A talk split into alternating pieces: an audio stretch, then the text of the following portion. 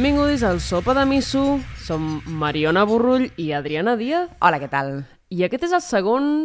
No, és el tercer episodi, però Mariona Borrull en portem només tres i ja s'ha descomptat, però no passa res, no li tindrem en compte. Ah, tornem a començar. No, no cal, no Ah, no. cal. No, per favor, tornem a començar. Que no, que no, que està divertit, està divertit. Ter Mariona Borrull, tercer episodi. Uh, com estàs? Com has passat la castanyada? Podem tornar a començar, per favor? Gràcies. No, no. és que t'evitarà això. Bé, uh, Com bé, has passat la castanyada, Mariona? doncs bé, uh, com podeu observar, uh, encara tenim restes de panellets en aquest envàs de panellets meravellós.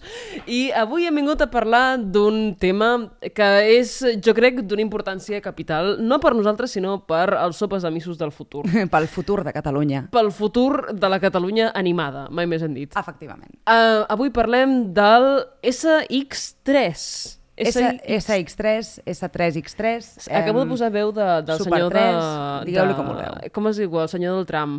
SX3, en direcció El a Plaça Catalunya. tram, el senyor del tram. En efecte. Sí, avui parlem del, del Super 3, en realitat, perquè el logo es llegeix Super 3, Ah, sí. SX3. Ol! Ol! Bon dia, Mariona Borrull. Uau, vale, vale, Sí. vale. Ok, alright. Sí, el que passa és que és desafortunat el logo, no passa res, això s'ha parlat, eh, nosaltres no fa, no incidirem més en això, però tots sabem què passa amb aquest logo. Uh, vosaltres ho sabeu. Ho sabem, ho sabem. Tu ho saps. Tu, Però- tu, tothom. No passa res, no passa res. Um, en tot cas, ens agradaria avui parlar una miqueta del que significa, diguem-ne, que hi hagi anime en català Mm. i, diguem-ne, com hem arribat a, fins aquí i a partir d'aquí què podem esperar de cara al, al El futur. futur, efectivament. Jo us faré una petita presentació a tall superbreu d'exactament on venim i crec que el més important d'aquí, exactament d'on venim i exactament d'on no venim, perquè hi ha molt sovint aquest, aquest mite no, al voltant de l'anime TV3 i, diguem-ne, i la formació cultural de la- de l'anime TV3 que col·loca els pesos que ens han portat ara mateix a estar parlant d'anime en català a llocs que jo no crec que siguin els correctes. No? Per tant, anem a desmuntar mites i anem a parlar exactament de com arribem a aquesta animació en català. No? Clar, perquè recordem que estem dedicant el capítol al Super 3 perquè es va estrenar el passat 10 d'octubre el nou canal infantil Infant... bueno, de moment infantil, amb, amb previsió de que sigui juvenil en els pròxims mesos, segons la Laia Cervera, que és la cap d'infantils de TV3, eh, i el Super 3 ha apostat de nou per tornar a portar anime actual en català. Llavors, per això hem decidit doncs, dedicar un programa a, a això, no? perquè creiem que és molt important. Per tant, Mariona, fes-nos una petita Allò- introducció de la història de l'anime a Catalunya. Allò, suelta-me, suelta-me. Um, mireu, uh, en principi, uh, l'any 1983 es funden la 2 i es funda TV3, d'acord? Mm. Arran de la Constitució del 78, quan s'acaba la dictadura, es comencen a crear els canals autonòmics. I per què aquest fun fact uh, absolutament de classe d'història que no ha demanat ningú? Doncs perquè, en principi, aquests dos canals es funden una miqueta mm, sobre la marxa, d'acord? Mm -hmm. uh, intentant com trobar coses que fossin barates de comprar no? i que es poguessin programar. I hi ha la llegenda, i això és una cosa que a mi em van dir a la universitat, de que la gent de uh, televisió de televisió perdó d'Espanya, TVE, eh, que després fundaria la 2, eh, va anar a comprar materials a una, a una fira, no sé si és el MIPCOM, però una fira de televisió, i li, els van regalar, o sigui, gairebé, els van deixar superbarates, una, una capsa amb cintes no?, de gravació. La cosa és, després descobririen què hi havia dins d'aquestes cintes, les programarien, tindrien èxit, i a partir d'aquí ja, diguem-ne, neix el que és la- l'anime um, al nostre estat, d'alguna forma. El primer anime en català mm, justament no passa a TV3, passa al, a la 2, d'acord? Um, I és La família Robinson, l'any 1981 perdó, 83, que només feia un any que de fet que es doblava mm -hmm. l'animació en, en català. La primera pel·lícula doblada en català és La flauta dels barrufets. Atenció, barrufa. eh, Barrufa. barrufa amb aquest fun fact. Barrufa. Um, tot i que el doblatge en català sabem que té molt més recorregut bé dels anys 30 i que justament amb la, amb la dictadura es va, es va capar, no? Uh, TV3 fins al novembre d'aquell any, fins al novembre de, de 1983, no programa animació i el primer programa que anima, el primer anime que programa... Vale, vale, som-hi, eh? Atenció, el primer anime que programa- Setmana dura per tothom, no passa res. En efecte, és Hola Sandy Bell, que suposo que t'imaginaràs que va d'una petita nena que es diu Sandy Bell. Sí. Meravellós. Que era una sèrie justament que portava música de Joe Hisaishi, perquè era una sèrie de la Toei. Per tant, mm -hmm. Hayao Miyazaki i, i Sao Takahata hi estaven involuc involucrats de forma secundària. Uh, no tota l'animació que es programa en aquella època és japonesa. Tenim, per exemple, coproduccions uh, catalanes japoneses, com mm -hmm. D'Artacan i els tres gossos mosqueters, o D'Artacan i los mosqueperros. Los Mosqueperros. Aquí, aquí el castellà ens va guanyar, Uh, en efecte. en, en traducció. Que Berreba Internacional és molt curiós, però col·labora diverses vegades amb Nippon Animation, és com un què està passant aquí. Mm -hmm. I després, uh, en aquesta primera etapa, l'anime en català no es, no es redueix només a TV3, passa a la 2, a TV3 a la vegada i a la 1, o sigui, a la 1 que tenim, diguem-ne, com associada a una cosa com de, del tot menys catalana, en aquella època programa Les aventures de Pepero. Atenció, mm, bueno, ja, sí, aquí el, el nom desafortunadet El nom. del pobre nen Pepero. Per- Atenció, perquè Pepero és uh, Pepero, el hijo de los Andes, d'acord? Que és un nen... Ha envellit molt malament aquest nom, eh? Sí, greu, però- bueno, i després una sèrie japonesa sobre un niño de, de los Andes, pues me cuentas tu què No, no, no, no? està clar, està clar. Està clar. Uh, I no només és el nen, sinó que també és el nom d'uns micados coreans que també surten a l'època. Vull dir, mm. per què no? Les aventures del Pepero.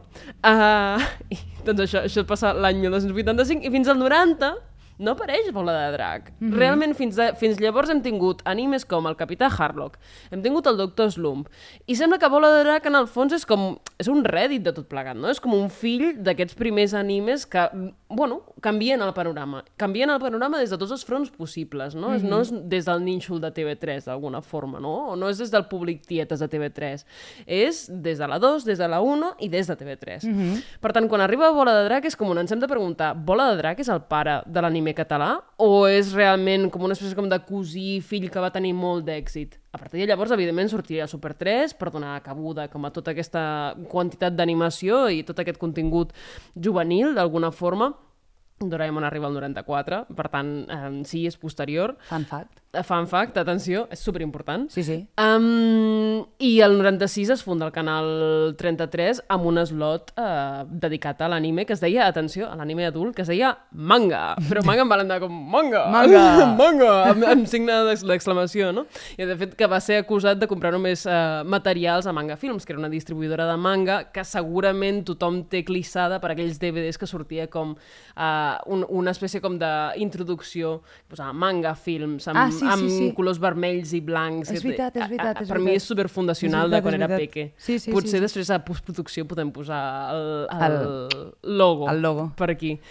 Uh, però bueno, que en, en principi que Dragon Ball sembla que sigui com el pare, diguem-ne, fundacional de tot plegat, doncs no. Està enmig i té molt d'èxit. Sí, bueno, el que, jo crec que el que va passar amb, amb Dragon Ball va ser bàsicament que va, va sentar unes bases o sigui, va acabar de sentar unes bases que havien començat a sentar animes com Doctor Slump, per exemple, que ara també se'l se considera molt important no, per la història de l'anime en català, però és veritat que Dragon Ball, bueno, és és, és, és una mica el fundacional de tot això i no hi ha manera de treure'ns el de sobre. Ja Ja, em perdonareu eh, gent de més de 30 anys que m'esteu escoltant però no hi ha manera de treure'ns aquest anime de sobre perquè no estem superant en cap moment Catalunya no supera Dragon Ball. Però això, no supera Dragon això Ball. ho podem deixar per un altre tema completament diferent. Però és veritat que se li ha de donar el reconeixement que té que és que va fundar unes bases i després, a partir de Dragon Ball jo tinc aquí tota una cronologia feta doncs ja va venir Doraemon, el 95 va venir, és que el 95 va passar tot el bo perquè vaig néixer jo i a sobre va venir Ranma eh, Ranma és prodigiós I la Triana també. Evi- evidentment. Eh, vam tenir tot, vam, tenir Akira, Totoro, Lupin, eh, va venir el 2000, ja va ser com, no?, mm, època d'or una mica, perquè Utena, Sakura, al cap d'un any, Shin-chan... Llavors va començar, bueno, Shin-chan, el detectiu Conan, eh, Sailor Moon, Cowboy Bebop, o sigui, van venir com tot un boom arrel d'allò que havia passat als anys 90, no? I llavors per això jo crec que la generació que som no, nosaltres, no, d'alguna manera, som una generació que estem molt arrelats a, aquesta, a, a, a aquest anime que vam veure molt de, en la nostra infantesa. Això no va parar fins al 2010. Ja. O sigui, vam tenir un anime darrere l'altre i que és que tots eren bons. O sigui, La màgica d'Oremi, Inuyasha, Slam Dunk, Correctora Yui, One Piece, eh, Ramtaro, La tomba de les lluernes, que aquest ens va traumatitzar a tots, però està bé. Però No? clar, estem parlant d'un... O sigui, jo quan penso en veure anime, penso en els migdies, en anar a casa i veure uh, One Piece o veure... què El més Conan. El Conan, també feia feien els al migdia. perquè jo ho veia amb, el- amb els meus avis. I jo recordo dies de avui fan el tennis, avui no pots veure anime I era un drama. Sí, era, sí, un- sí, era un drama. Sí, Drama sí, de sí, veritat. sí. Això passarà ara? Mm, el problema, o sigui, el problema, el problema i la sort que hi ha ara, amb aquest canvi que hi ha, hi ha hagut ara, amb aquesta reformulació del Super 3, que s'havia quedat absolutament obsolet en els últims anys, havien perdut moltíssima audiència, o sigui, era, era dramàtic ja, no? O sigui, ningú mirava el Super 3 i portàvem molt de temps com reclamant un altre cop una bona aposta per l'anime. És que la Laia Cervera, que és la persona que està darrere de tot això, hi ha moltes persones, no? però la, la, la cara visible del És- Super 3... és la nostra font de confiança. És, és la font de confiança, la que ens dona informació no? a, a dia d'avui és la Laia Cervera eh, i la Laia ha dit, ha dit moltes vegades que ells han tornat a fer una aposta per l'anime, però ho han fet en, en, en multiplataforma, no ho han fet només com a la televisió, que era el que fèiem abans, perquè abans només teníem la tele, sinó que han tret una aplicació molt ben feta, molt, o sigui, molt intuïtiva pels nens i pels adults i tal, eh, tant per iOS com per Android, per, te la pots instal·lar on tu vulguis i pots tenir aquests animes en el que es diu Video on Demand, no? que és doncs, una plataforma de tota la vida, que ara tots ja sabem el que és una plataforma de vídeo, no? Però és totes les temporades. No, segons, es van, segons van sortint els animes al Super 3 a la tele, els van posant a la, a la web durant un temps limitat, però sí que és veritat que tu allà els pots recuperar durant un parell de setmanes i després es van eliminant. Però donen un marge, o sigui, no cal que estiguis el 10 d'octubre a les 8 de la nit per veure Haikyuu, sinó que si et va bé veure el 15, doncs ho veus al 15 perquè estarà disponible aquest capítol, cosa que abans no passava. Jo abans recordo perdre'm algun capítol del Conan i era dramàtic, on perdia un de Sakura i deies, hòstia, ara no sé quina carta de clau ha agafat, no? Rotllo, quin drama. I en canvi ara doncs, els nens tenen aquesta possibilitat de veure tots aquests animes nous, que ara parlarem quins han portat, no és cap tipus de novetat perquè tots ho sabem, però entrarem una mica en detall, eh, veure'ls quan ells vulguin i quan elles i quan ells vulguin. Llavors és com, és, és meravellós en aquest sentit perquè és una cosa que nosaltres abans no teníem. I llavors una cosa molt intel·ligent que ha fet el Super 3 és adaptar-se aquests nous temps que era el que venia necessitant des de feia molt de temps. Ja, penso. total, total. Penso. Bueno, jo venint cap aquí he vist un episodi de Random, uh, mig episodi de Random, la resta l'he dormit perquè era l'hora de, de la migdiada. T'ha agafat en el tren i... T- Too much information. Uh, en tot cas... I sí, sí, definitivament, si vols adaptar-te a 2022, vull dir, una tele lineal no pots fer. Tot i que també estaria bé veure, diguem com funcionaria això en, una, en un format completament lineal. Però bueno, de, mm -hmm. de fet ja, ja ho tens. No, de fet, o sigui, qui vulgui fer-ho en un format lineal ho pot fer. És a dir, tu si vols veure Kimetsu, de dilluns a divendres saps que a les 9 de la, de la nit tens Kimetsu i que a les 9 i mitja comença el Conan i que a les 8 comença Haikyuu. Vull dir, tens aquesta possibilitat de fer-ho. El que passa és que no és obligatori, que abans era com obligatori, molt entre cometes, fer-ho així perquè no teníem una altra possibilitat. I jo m'he passat tota la meva infància i adolescència piratejant les, les sèries perquè és que si no la veia en el moment no, no la podia veure, no?, d'alguna manera. Jo les posava a gravar. Anava a la psicòloga i mentre estava, diguem de plorant a la psicòloga, mm, les posava a gravar. Clar, és que jo no tenia... Un, o sigui, jo era com... No tenia psicòloga? No, no, no tenia ni psicòloga ni res per gravar, o sigui que imagina't el drama de persones, saps? Ja, Vull tio. dir, tremendo. Bueno, no passa res, hem sortit bé, suposo. Bueno, sí. Eh, suposem que sí. Eh, llavors, parlem dels, dels animes que han arribat, perquè mm, crec que és molt important parlar dels formats que han, pels quals han apostat. Les majors apostes del Super 3 ara mateix en quant a anime han sigut... He portat una mica un mix de totes les coses que tinc a casa, perquè sóc fan de tot el que han portat ja prèviament, com podeu veure. Oh, yes! I és que han apostat per totes les temporades de Haikyuu, no estem parlant de mil i pico episodis, eh? però estem parlant de quatre temporades, que està molt bé, que, que déu-n'hi-do, no? Han, han dit el paquet sencer de Haikyuu. Eh, amb, estem parlant de la primera temporada de Kimetsu no Yaiba, de moment, uh -huh. eh, de Ronja, que és més enfocada a canal infantil, de Inazuma Eleven, que també és com per, per nens més petits, i de la primera pel·lícula de My Hero Academia. Si no vaig malament, de moment és primer la, la primera pel·lícula. Esperem Vale. que en algun moment arribi la sèrie, perquè aquesta també seria com, jo crec que seria ideal pels nens. Eh, I trobo que han agafat com una mica de tot. No sé, tu que has anat mirant i t'has posat al dia... Que jo ja les tenia totes bastant controlades, llavors és com... Però tu que t'has anat posant al dia, com veus aquesta aposta? Aviam... per aquests tipus de continguts que en realitat són força diferents. Clar, sempre has de, has de pensar en, en, la, en la distància de que això no és per tu. Perquè jo, per exemple, els primers dies que es va retransmetre el SX... Puc, puc dir-ne SX3? O he de dir SX3, Super sí. 3? Bueno, sí, Eh, en realitat és Super 3, eh? ben llegit és Super 3. Buah, és que quina ratllada, o sigui, perdoneu, eh? Per Han mi fet el logo estat- moderno, Buah. eh? Eh, Doncs eh, els primers dies que vaig veure Super 3, clar, era com un... Vale, sí, estic celebrant que m'agrada Kimetsu no Yaiba i, evidentment, estic reveient episodis que sé que a mi em funcionen, però com serà això per la, per la ment d'una criatura, no? En plan, d'una criatura, atenció, però, però d'una persona molt més jove que, que jo. Uh, per tant, jo el que diria és, tio, apostem per la varietat i al, algun calarà amb la gent. A, a mi, evidentment, totes les apo- apostes que hi ha em semblen assegurades, en el sentit de que han funcionat uh, de forma privada, ara posar-les en un canal públic el que està fent és, bé, doncs, reforçar uh, l'aposta per al català, no tant per, diguem-ne, per una televisió de qualitat, sinó una tele televisió que funciona. Que les sèries siguin més o menys bones, això va a part, menja d'un plat a part. Però, però per començar que hi hagi varietat em sembla com, bueno, l'aposta perfecta per una cosa que està començant, així de clar. Sí, sí. A veure, jo trobo que, a més, està molt bé perquè et pots trobar com molts nivells de- de- d'edat, no?, d'alguna manera. És a dir, Ja. jo soc una persona que les ha vist pràcticament totes i ara és que menys Ronja, crec que no, no l'havia vist, vist. És, que prèviament. és la filla del samurai, oi? Sí, Vale. eh, eh, que és, és l'única que no havia vist prèviament. Soc- M'agrada molt Haikyuu, m'agrada molt Boku no Hero, m'agrada molt Kimetsu. I, I sí que, per exemple, una cosa que havíem comentat abans off-camera, que doncs, la diem ara en directe, és que eh, l'altre dia, en, en un directe que li van fer una entrevista a la Laia Cervera, la Laia va dir que mm, el, de moment Kimetsu la mantenien en el S3, no? perquè recordem que ara el Super 3 està dividit en dues franges, que és l'S3 i l'X3. Llavors, el, el Kimetsu entra, a, perdoneu, entra a X3, que és com la franja de nens més grans, Vale. però són nens fins a 14 anys. Vale. Llavors, segueix havent aquest buit generacional no, que teníem al 3XL abans, que era on entràvem els adolescents entre els 14 i els 18, no? que llavors ja tu ja saltaves directament on tu volies, perquè amb 18 anys ja ets suficient gran com per veure el que vulguis. I llavors aquesta franja, de moment, encara no s'ha omplert. S'omplirà perquè s'ha confirmat, però encara no sabem com ni quan.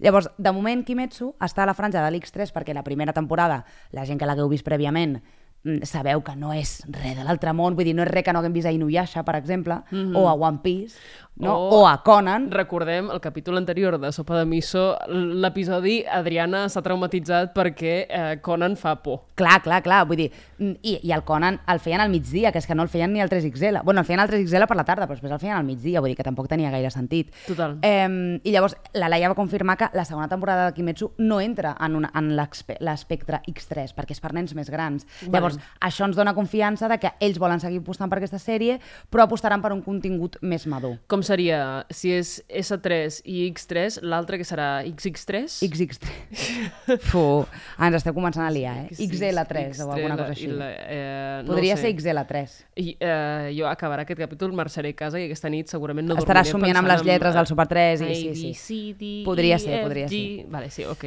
Però, però en, en, seguint, seguint en matèria, crec que realment crec que realment està molt bé. De fet, eh, crec que una, un equivalent d'una sèrie que pot com tornar a sentar bases del que és l'anime al català i el, que, i el que volem que vegin els nens ara, no? i que tinguin uns referents, el que dèiem l'altre dia, com referents més sants, no? perquè al final tu segueixes, vull dir, ara et recuperes mm, coses dels 90 i vale, ens, pot, pot agradar molt Dragon Ball, però mm, el fullet Tortuga potser no és un referent pels nens, no? En O sigui, efecte, no, no clar, ho és. En plan, no, no. Però en canvi, uh, Haikyuu, per exemple, és una sèrie que trobo que està, és, està molt ben pensada, o sigui, està molt bé, han encertat molt portant aquesta sèrie perquè són uns xavals jugant a vòlei, eh, donant-te valors de deportivitat, de voler superar-se un mateix, de tal...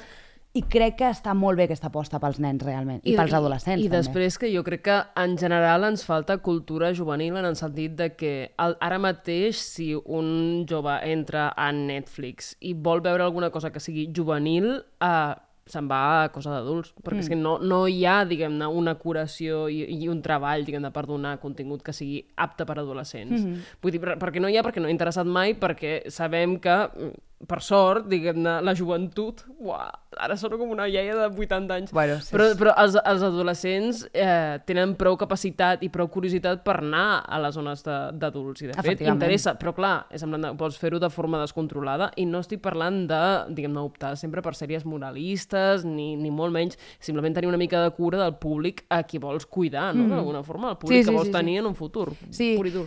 Eh, que, crec que, bueno, eh, realment el, el Super 3 ha fet molt bona feina, està fent molt bona feina i suposo que no ens defraudaran gaire perquè eh, trobo que realment s'ha notat un canvi bastant generacional en quant a la direcció del Super 3 i, i això s'ha notat no només amb les sèries que han triat, sinó que també han apostat per veus noves, cosa que feia molt cara que no, que no passava, perquè al final el Conan s'ha seguit fent i ha seguit amb les mateixes veus de sempre, excepte alguna cosa puntual per un tema nostàlgic, no? En plan, no em canvieu a la Núria Trifol fent de ram perquè vaig a TV3 i us cremo l'oficina, no? Adriana, cariño, que te están grabando. No, no, però és veritat, però en canvi eh, m'agrada molt que hagin agafat veus noves, veus fresques, veus que no hem escoltat abans i que sonen igual de bé que les que sonaven als anys 90 o als 2000, no? Vull dir, ara tenim l'Ivan Priego fent de Hinata i fent de Deku quan s'estreni i l'Ivan sona superbé de, de Hinata. Tenim el Marcel fent de Kageyama a Haikyuu i de Tanjiro a Kimetsu i sona molt bé i el Marcel és una persona que té molta tirada en el món del doblatge però que d'anime en català havia tingut poques oportunitats de fer-ne i en canvi trobo que estan, bueno, en, en, també tenim l'Estel Tort, que ara ho ha patat molt amb, amb El Senyor dels Anells en català i en castellà, doncs han apostat amb, amb ella també per l'anime, a la Irene, la Irene Mires, que és um, la Ochako, que és el personatge aquest que tinc aquí davant. Eh, llavors, crec que una aposta molt guai és que han agafat gent realment jove, nova, amb veus fresques, que donen com un altre aire, tot i que realment han tornat a fer aquesta cosa de curar molt els diàlegs i curar molt les adaptacions. Perquè jo, per exemple, com a fan de Haikyuu, una cosa que em feia, molta, em feia patir molt, jo pensava, a veure com, com ho fan això, perquè realment Haikyuu és molt famós per les bromes entre els personatges, pels insults i tal. Ja.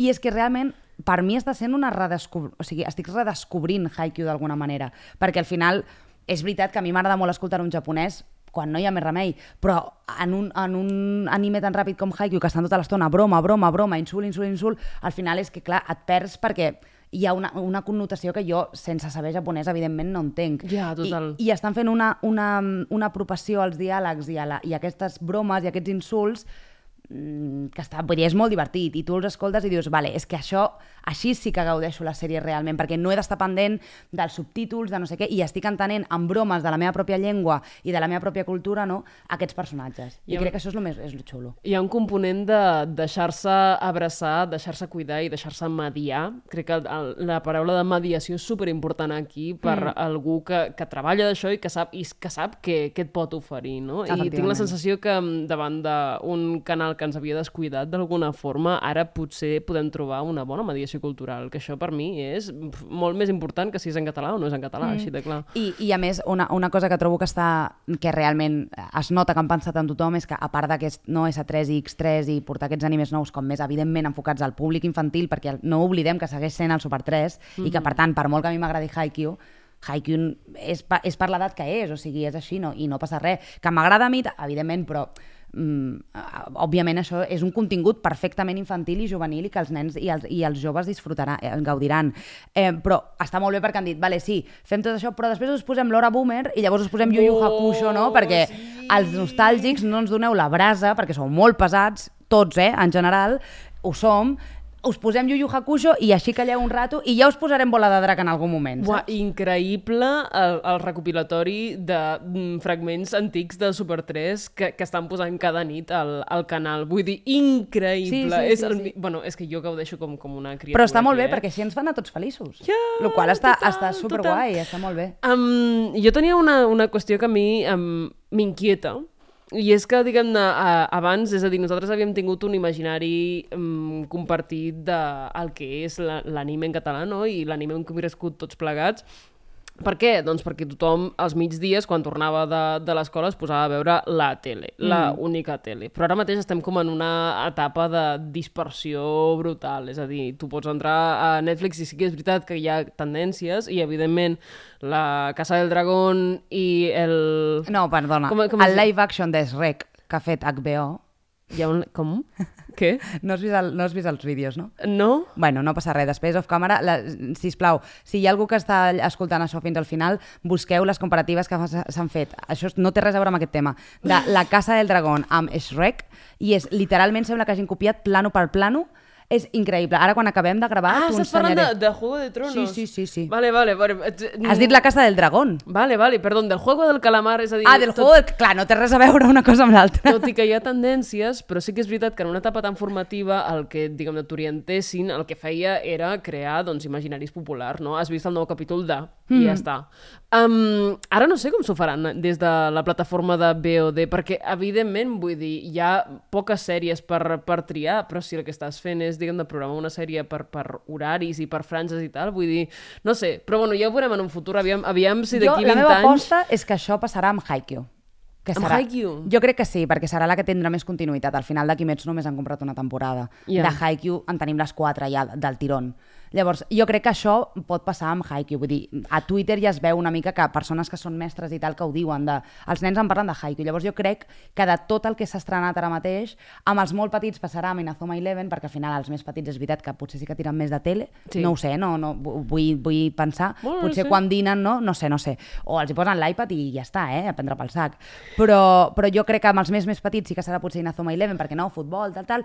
Però potser els més grans que tenen altres inquietuds, mm -hmm. Haikyuu al final són molt divertidots. I llavors crec que, mm, que això pot passar amb Haikyuu. Però bueno, ja veurem. Ja Tu què, veurem. què esperes en un futur d'això? Així com molt ràpid per acabar. Mm, jo espero mm, d'aquí a 15 anys fer una altra sopa de miso a, o trobar-nos, fer un cafè i parlar de exactament què ha passat aquí. Perquè mm. crec que ara mateix no podem dir res més que no siguin especulacions i preocupacions i, i, bueno, i fer una mica Bueno, d'història que en el fons Clar. importa.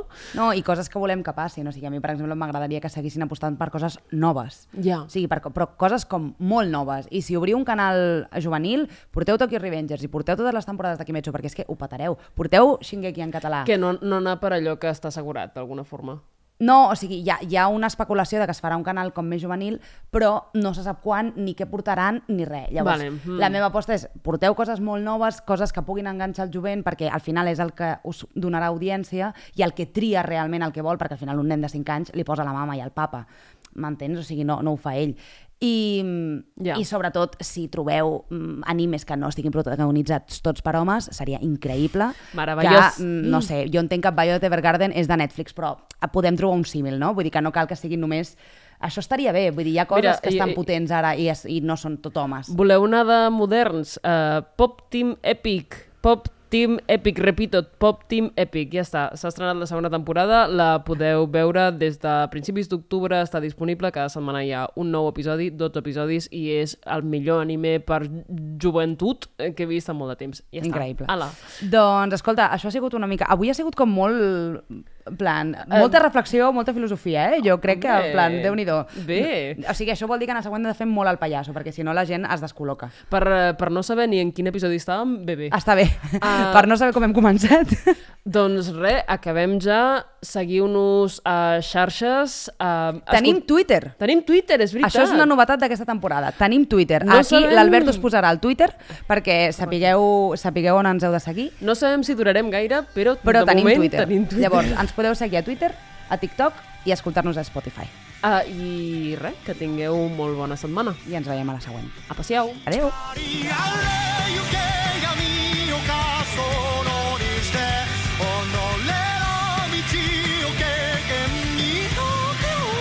I aquest és el segon episodi de la segona temporada. Déu-n'hi-do.